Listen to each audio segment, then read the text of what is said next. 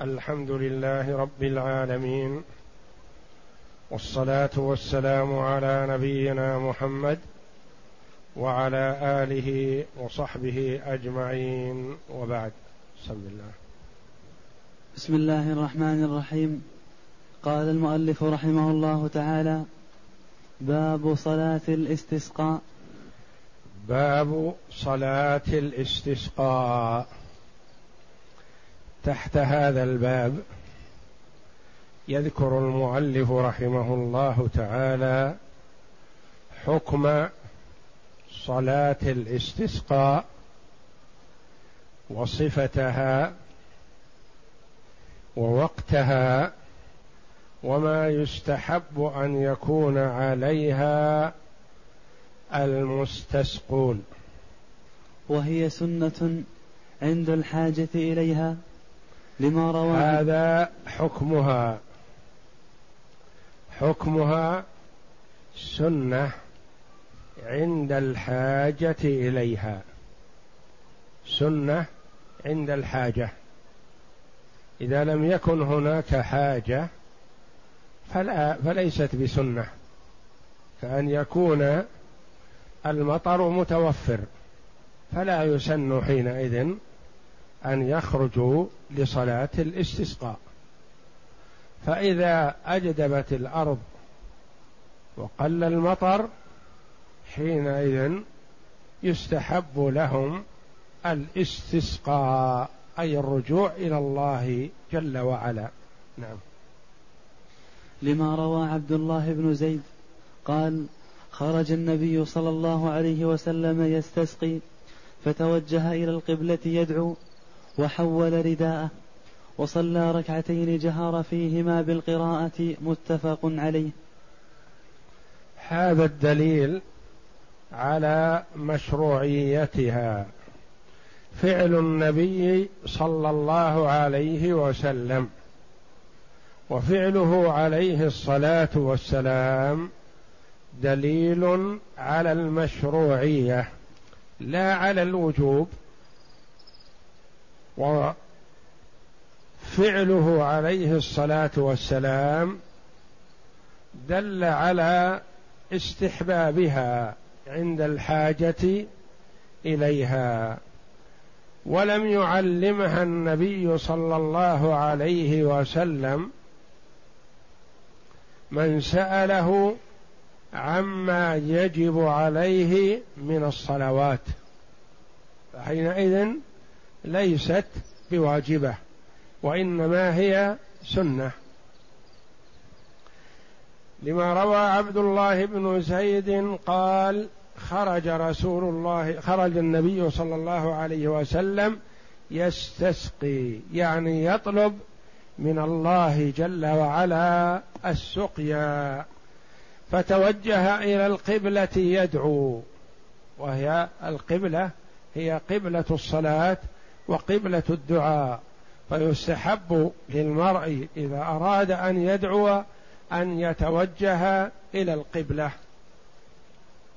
وحول رداءه تفاؤلا.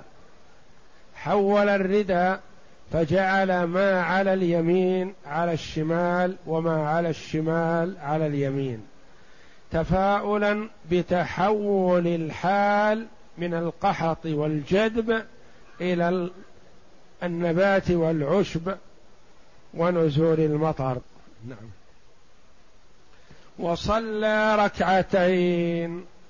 صلاة الاستسقاء ركعتان. جهر فيهما بالقراءة. كجهره صلى الله عليه وسلم في صلاة العيدين. وصفتها في موضعها وأحكامها صفة صلاة العيد. وصفتها صفة صلاة الاستسقاء في موضعها أنها يستحب أن تكون في الصحراء في الخارج خارج البنيان سوى مكة لشرف البقعة فتصلى في المسجد الحرام. وأحكامها يعني ما يلزم لها وما يستحب لها من التكبير ومتابعته. سبع تكبيرات في الركعة الأولى منها تكبيرة الإحرام وخمس تكبيرات في الركعة الثانية بدون تكبيرة القيام من الركوع. من الركعة الأولى. صفة صلاة العيد سواء بسواء. نعم. وهل يكبر فيهما تكبيرة تكبير العيد؟ على روايتين. إحداهما لا يكبر لأن عبد الله بن زيد لم يذكره. والثانية يكبر لأن ابن عباس روى أن النبي صلى الله عليه وسلم صلى ركعتين كما يصلى في العيد. كما يصلي. كما يصلي في العيد. حديث كما يصلي في العيدين. كما يصلي في العيدين. حديث صحيح. وهل يستحب التكبير المتكرر في صلاة الاستسقاء؟ أما الوجوب فلا يجب. كما تقدم لنا في صلاة العيدين لا يجب التكبير. سوى تكبيرة الإحرام فهي ركن من أركان الصلاة وتكبيرة القيام من الركعة الأولى للثانية فهي واجب من واجبات الصلاة. أما التكبيرات المتتابعة فهي سنة بالاتفاق في صلاة العيدين. وهل هي سنة في صلاة الاستسقاء أم لا؟ روايتان. رواية تقول لا يكرر التكبير. لما؟ لأن عبد الله بن زيد رضي الله عنه لما ذكر صفة صلاة الاستسقاء ما ذكر التكبير. الرواية الثانية تقول بلى تكبيرات بعد تكبيرة الإحرام وبعد تكبيرة القيام من الركعة الأولى هذه تستحب في صلاة الاستسقاء كما تستحب في صلاة العيدين. لأن ابن عباس رضي الله عنهما قال صلى رسول الله صلى الله عليه وسلم ركعتين كما يصلي في العيدين. حديث صحيح. والأول اقوى لأنه حديث متفق عليه. لكن قول ابن عباس إنه صلى في الاستسقاء كما صلى في العيدين دليل على مشروعية تكرار التكبيرات الزوائد في الركعة الأولى ست غير تكبيرة الإحرام. وفي الركعة الثانية خمس غير تكبيرة القيام من الركعة الأولى للركعة الثانية. وعن جعفر بن محمد عن أبيه أن النبي صلى الله عليه وسلم وأبا بكر وعمر كانوا يصلون صلاة الاستسقاء يكبرون فيها سبعا وخمسا. رواه الشافعي في مسنده. وعن جعفر بن محمد ابن علي ابن ابي ابن ابن علي بن الحسين بن علي بن أبي طالب. عن أبيه أن النبي صلى الله عليه وسلم وأبا بكر وعمر كانوا يصلون صلاة الاستسقاء يكبرون فيها سبعا وخمسا. قال في الركعة الأولى سبعة لأن منها تكبيرة الإحرام.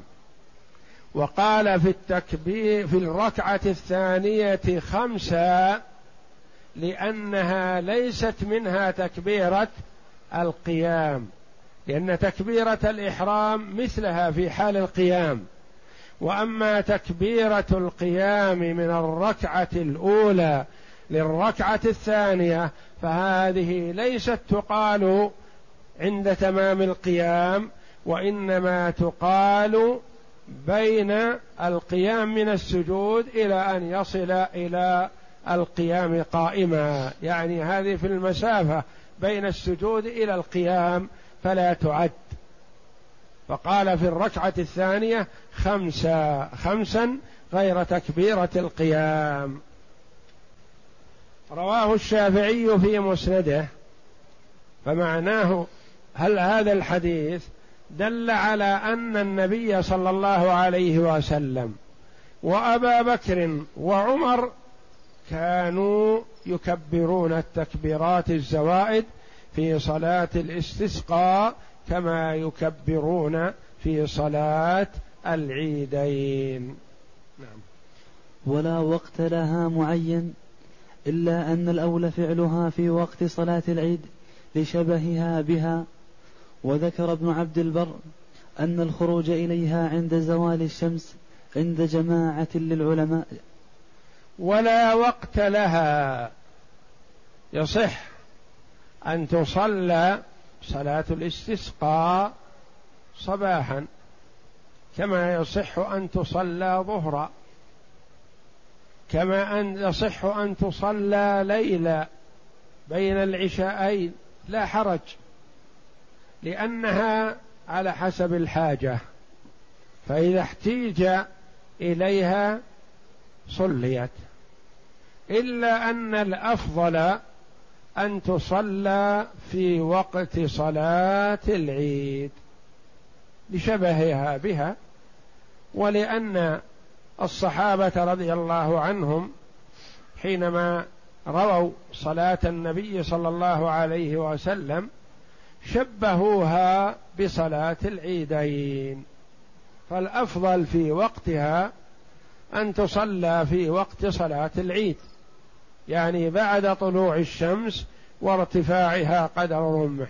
يعني بعد طلوع الشمس بحوالي ربع ساعة.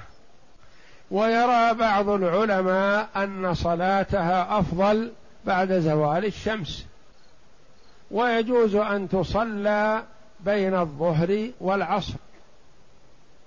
ويجوز أن تصلى بعد المغرب بين المغرب والعشاء إلا أنها لا تصلى في وقت النهي لأن وقتها موسع وما دام وقتها موسع فلا تصلى بعد العصر. فصل وفي إذن الإمام روايتان بناء على صلاة العيد إحداهما هو شرط لها؟ قال أبو بكر فإن خرجوا بغير إذن صلوا ودعوا بغير خطبة. والثانية يصلون ويخطب بهم أحدهم. وفي إذن الإمام روايتان عن الإمام أحمد رحمه الله. رواية تقول إنهم يحسن ألا يخرجوا للاستسقاء إلا بإذن من الإمام. فلا تصح ولا تكمل صلاة العيد صلاة الاستسقاء إلا بإذن من الإمام. إن اضطروا لصلاة الاستسقاء ولم يؤذن لهم قال يصلون ويدعون ولا يخطبون لا يخطب بهم أحد. الرواية الثانية قالت إن هذه الصلاة صلاة حاجة وقد يحتاج في موطن دون موطن وقد يشق الاستئذان من ولي الأمر من الإمام. فلا حرج أن يخرج أهل البلد للاستسقاء ولم لم يستأذنوا. ويصلوها على صفتها لأنها من السنن الظاهرة وبحسب الحاجة والرغبة في المطر فمن احتاج خرج. وارتباطها بإذن الإمام ليعم الاستسقاء الجميع ولتكون الدعوة والرغبة من الجميع فإنه أحرى للإجابة. وفي الصدر الأول كان المستسقي هو النبي صلى الله عليه وسلم. ومن بعده الخلفاء رضي الله عنهم كما سمعنا.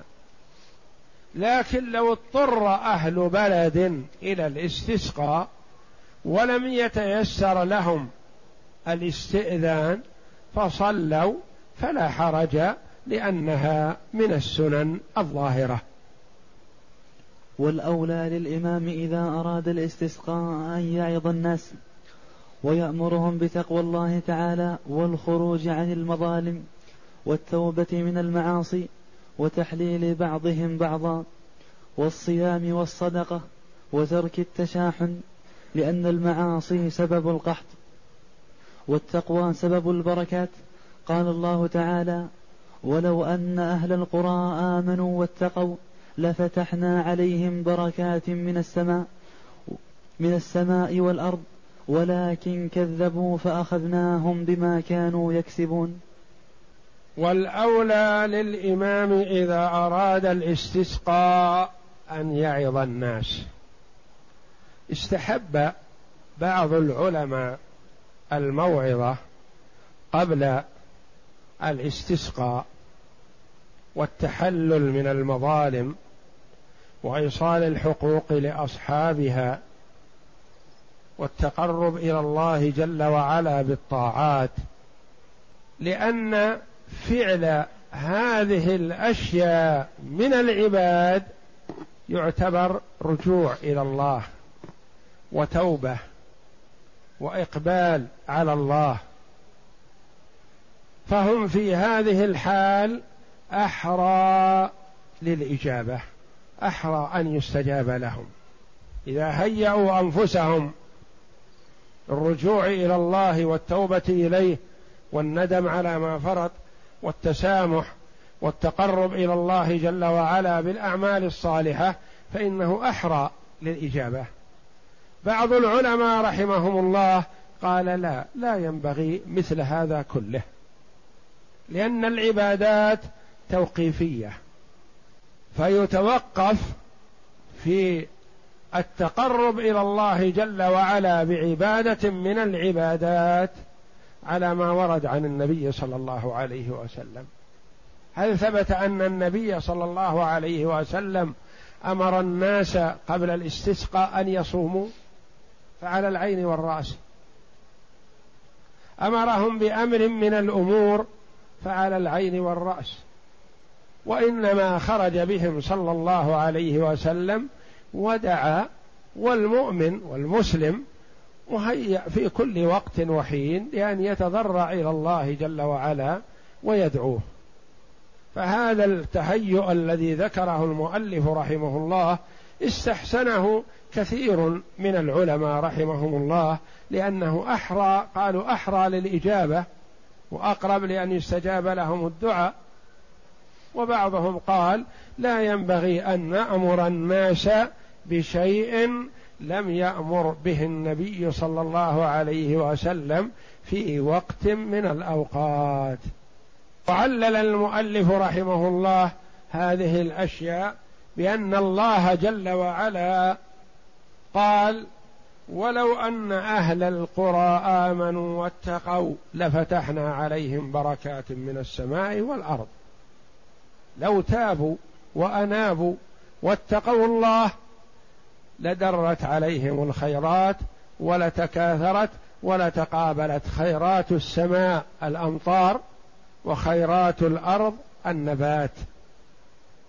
وهذا مشروط بتقوى الله جل وعلا. ولكن كذبوا. الكثير منهم كذب وأعرض فعوقب بصنيعه. لأن الله جل وعلا لا يظلم العباد ولكن العباد يظلمون أنفسهم. ما أصابك من حسنة فمن الله وما أصابك من سيئة فمن نفسك. يعني بفعلك بمعصيتك بإعراضك عن الله. حصل عليك ما حصل. ولو أقبلت على الله جل وعلا لدافع الله عنك. إن الله يدافع عن الذين آمنوا. نعم. ويعد الناس يوما يخرجون فيه ويأمرهم أن يخرجوا على الصفة التي خرج عليها رسول الله صلى الله عليه وسلم. قال ابن ويعد الناس يوما يخرجون فيه. يحدد لهم اليوم حتى تتصاعد الدعوات إلى الله جل وعلا في وقت واحد فذلك أحرى بالاجابه ويأمرهم أن يخرجوا على الصفة التي خرج عليها رسول الله صلى الله عليه وسلم. لا يخرجوا كخروجهم يوم العيد.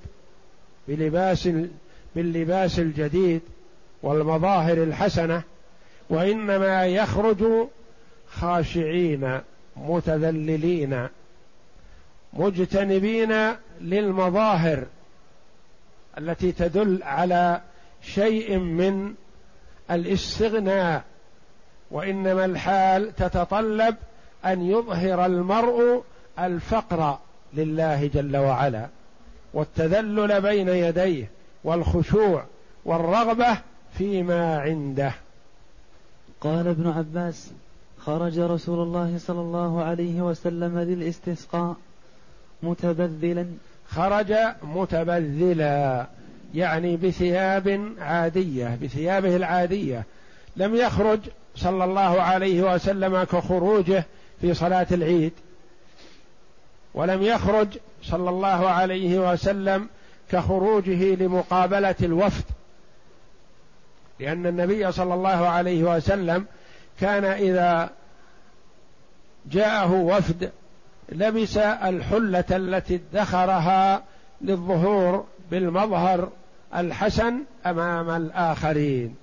كذلك كما تقدم لنا أن كان كان له حلة حمراء يلبسها في العيدين صلوات الله وسلامه عليه. وليس معناها أنها حمراء خالص وإنما فيها أعلام حمر. متخشعا. متواضعا لله جل وعلا. مظهر للتواضع لله جل وعلا وهو على هذه الصفة دائما وابدا. لكنه صلى الله عليه وسلم في حال الخروج يجدد أشياء من التوا من الأش... التي تدل على التواضع لله تعالى. متخشعا يعني عليه الخشوع صلوات الله وسلامه عليه. نعم. متضرعا. متضرعا يعني داعيا. يتضرع إلى الله جل وعلا بالدعاء وبالصفة. نعم. حتى أتى المصلى. حتى أتى المصلى الذي وعد الناس أن يخرجوا إليه وهو خارج المباني في ذلك الوقت وهو مكان المسجد المسمى حاليا بمسجد الغمامة. هو الذي كان النبي صلى الله عليه وسلم يخرج إليه في الاستسقاء والعيدين. نعم. فلم يخطب كخطبتكم هذه؟ ولكن لم يزل في فلم يخطب كخطبتكم هذه يعني ما جعلها كخطبة الجمعة أو خطبة العيدين ولم يجعلها خطبتين وإنما دعاء وتضرع واستغفار وأمر بالتوبة والرجوع إلى الله جل وعلا. نعم. ولكن لم يزل في الدعاء والتضرع والتكبير. وصلى ركعتين كما كان يصلي في العيد. ذكر أنه الخطبة ليست كخطبة العيد والصلاة كصلاة العيد. صلى ركعتين كصلاة العيد. نعم. هذا حديث صحيح. ويسن التنظيف وإزالة الرائحة. ويسن التنظف يعني ما يخرج الإنسان بثياب وسخة أو قذرة. أو مثلا أصحاب المهن يخرجون أو يأتون إلى المصلى بثيابهم التي يعملون فيها صناعتهم فيكون لها رائحة كريهة ويؤذون من حولهم. وإزالة الرائحة إذا كان الرجل فيه أثر عرق أو رائحة في فيه أو في أنفه فيزيل أثر الرائحة لأنها يتأذى منها. يتأذى منها الحاضرون وتتأذى منها الملائكة. فالمرء المسلم يكون دائما على أحسن حال فلا يشم منه رائحة خبيثة أو كريهة. فمن ابتلي بأن كان فيه شيء من الرائحة فيحرص على إزالتها فإن لم تزل فلا يخرج لئلا يؤذي. وليجتنب المدخن مثلا أن يخرج وعليه أثر الدخان لأنه خبيث من الخبائث ومضر ويضر بنفسه ويضر بمن حوله. فكثير من إخوانه المسلمين يتأثر إذا كان بقربه شارب دخان ويتضايق ويصاب بأثر وبعطاس وبمرض. فيجب على من ابتلي بهذا أن يجتهد في التخلص منه. ولا يوقع نفسه في الإضرار به والإضرار بإخوانه المسلمين. ورائحته خبيثة ومؤذية ومضرة به وبمن حوله. ما يقتصر ضرر الدخان على نفس المدخن والعياذ بالله وإنما هو عليه وعلى من حوله. وعلى ذريته كذلك كما قرر الأطباء ذلك. الدخان له أثر على النسل. وله أثر على أهل البيت كلهم. فالواجب على من ابتلي بشيء من هذا أن يحاول ويجتهد في التخلص منه. وذلك بالإقبال على الله جل وعلا والدعاء والتضرع بأن يعافيه. ثم بالإكثار من الصيام. ثم بمجالسة الصالحين. وبحضور مجالس الذكر. وبالإكثار من قراءة القرآن. وبالاشتغال بما ينفع وتسلية نفسه بما يفيده في الدنيا والآخرة. فهو إذا صدق مع الله جل وعلا فالله جل وعلا حري أن يستجيب له وأن يعافيه من ذلك. وإزالة الرائحة لئلا يؤذي الناس بها ولا يؤذي الناس ويؤذي الملائكة كما قال النبي صلى الله عليه وسلم من أكل الثوم أو البصل فلا يقربن مسجدنا فإن الملائكة تتأذى مما يتأذى منه الآدميون. ولا يلبس ثياب زينة. ولا يلبس ثياب زينة لأن ثياب الزينة تكسب النفس قوة والأمر يتطلب أن تكون النفس ذليلة خاشعة مبتهلة إلى الله جل وعلا متواضعة. ولا يتطيب لأن هذا يوم استك يوم استكانة كذلك ما ينبغي أن يتطيب في هذا بخلاف العيد والاستسقاء العيد والجمعة فيستحب الطيب. لكن هذا اليوم الذي هو يوم استكانة وخضوع وتذلل لله جل وعلا لا ينبغي له أن يتطيب. لأن هذا يوم استكانة وخضوع. فصل ويخرج الشيوخ والصبيان ومن له ذكر جميل ودين وصلاح لأنه أسرع للإجابة. ويستحب أن يخرج الشيوخ يعني الرجال الكبار أصحاب الطاعة والعبادة والرغبة فيما عند الله والذين هم بعيدون عن المعاصي والسيئات. لأنه أحرى للإجابة.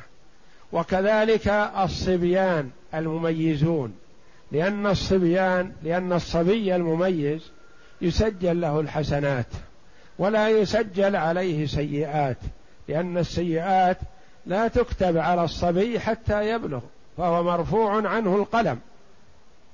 والحسنة له فهو إذا أحسن وصدق وعمل شيئا من الصالحات فله أجر وله ثواب ويكتب له. وإذا وقع منه سيئات فلا تسجل عليه. لأن النبي صلى الله عليه وسلم قال رفع القلم عن ثلاثة منهم الصبي حتى يبلغ. ولما رفعت إليه المرأة صبيا صغيرا حملته بين يديها قالت يا رسول الله ألهذا أجر؟ قال نعم ولك لهذا حج قال نعم ولك أجر. فالحج يحتسب له وإن كان صغيرا. فالعمل الصالح للصبي قراءته للقرآن وطاعته لوالديه يحسب عليه ولا يكتب عليه سيئات. فلذا يستحب أن يخرج أمثال هؤلاء لصلاحهم لأن دعوتهم حري أن تستجاب بإذن الله نعم. ويستحب أن يستسقي الإمام بمن ظهر صلاحه لأن عمر رضي الله عنه استسقى بالعباس عم رسول الله صلى الله عليه وسلم واستسقى معاوية والضحاك بيزيد ابن الأسود الجرشي وروي أن معاوية أمر يزيد بن الأسود فصعد المنبر فقعد عند رجليه فقال معاوية اللهم إنا نستشفع إليك بخيرنا وأفضلنا. اللهم إننا إنا نستشفع إليك بيزيد بن الأسود الجرشي. يا يزيد ارفع يديك إلى الله. فرفع يديه ورفع الناس أيديهم. فما كان بأوشك من أن ثارت سحابة في الغرب كأنها ترس وهب لها ريح فسقوا حتى كاد الناس ألا يم ألا ينغلبوا منازلهم. ألا يبلغوا. ألا يب ألا يبلغوا منازلهم. ويستحب أن يستسقي الإمام بمن ظهر صلاحه. ظهرت استقامته وتقواه لله جل وعلا وبعده عن المعاصي. لأن دعاء مثل هذا حري أن يستجاب. لأن عمر بن الخطاب رضي الله عنه لما أجدبت الأرض في زمنه استسقى واستشفع بدعاء العباس عم النبي صلى الله عليه وسلم. وقال رضي الله عنه اللهم إنا كنا نستسقي نستشفع إليك بنبينا فتسقينا. وإنا نستشفع إليك بعم نبينا فأسقنا. قم يا عباس فادعو الله. فقام العباس رضي الله عنه ودعا الله. فهذا دليل على مشروعية الاستشفاع إلى الله جل وعلا بدعاء الرجل الصالح.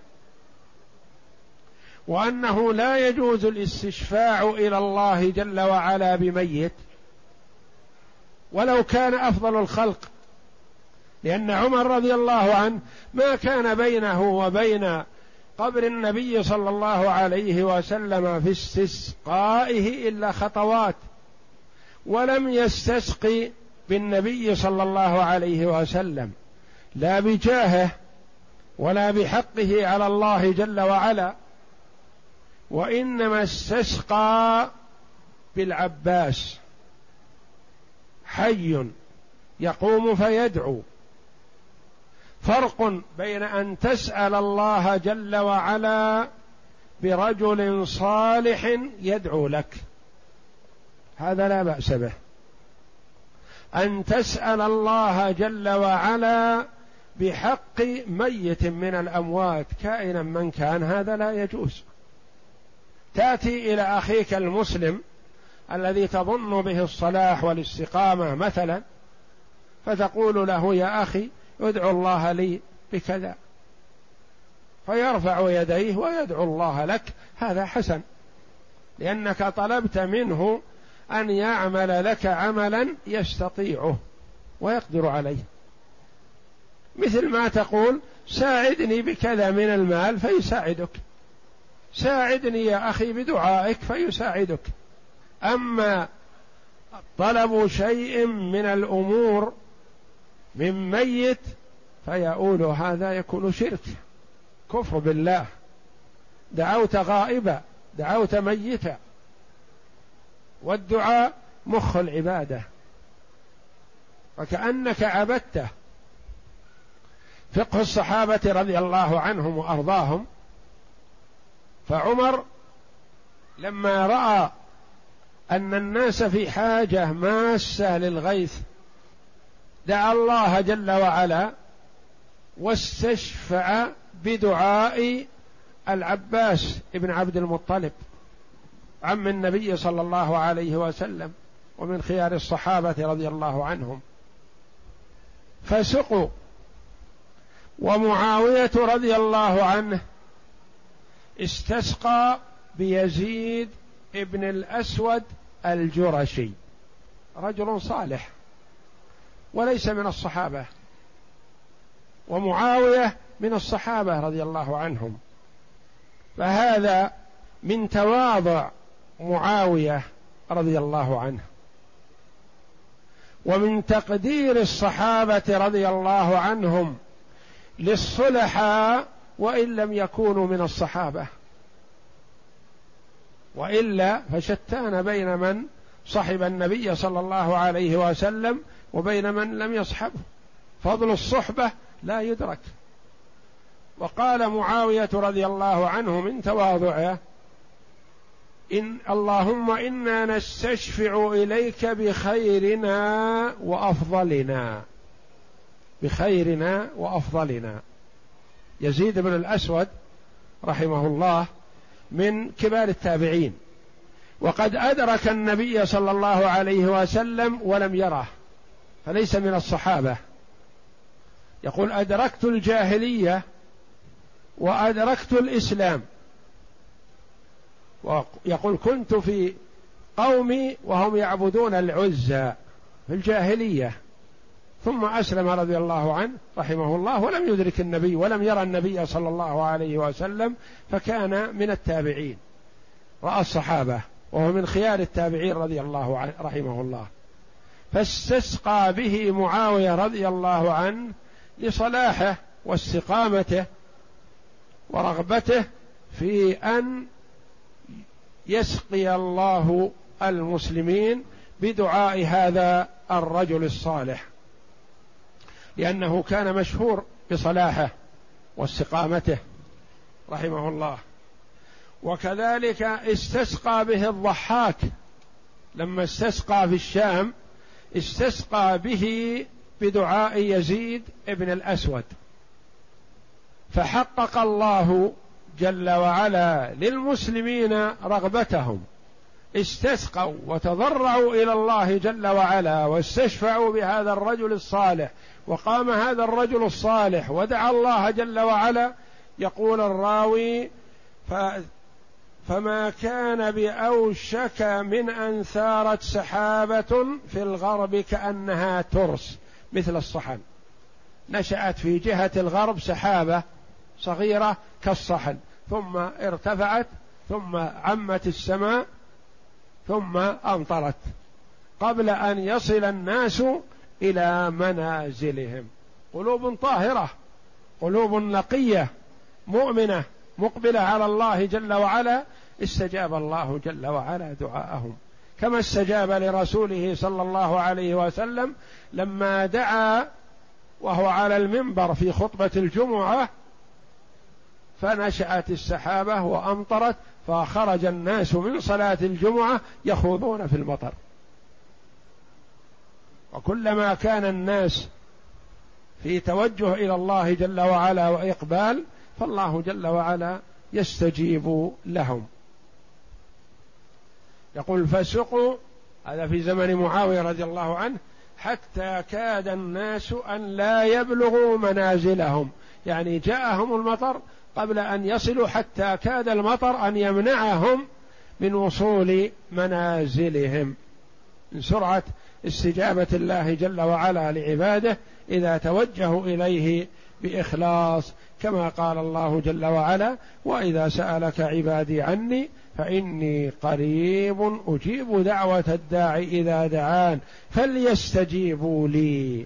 لا يدعو من قلوب غافلة من قلوب معرضة بالألسنة فقط فليستجيبوا لي وليؤمنوا بي لعلهم يرشدون. والله أعلم وصلى الله وسلم وبارك على عبده ورسول نبينا محمد وعلى آله وصحبه أجمعين.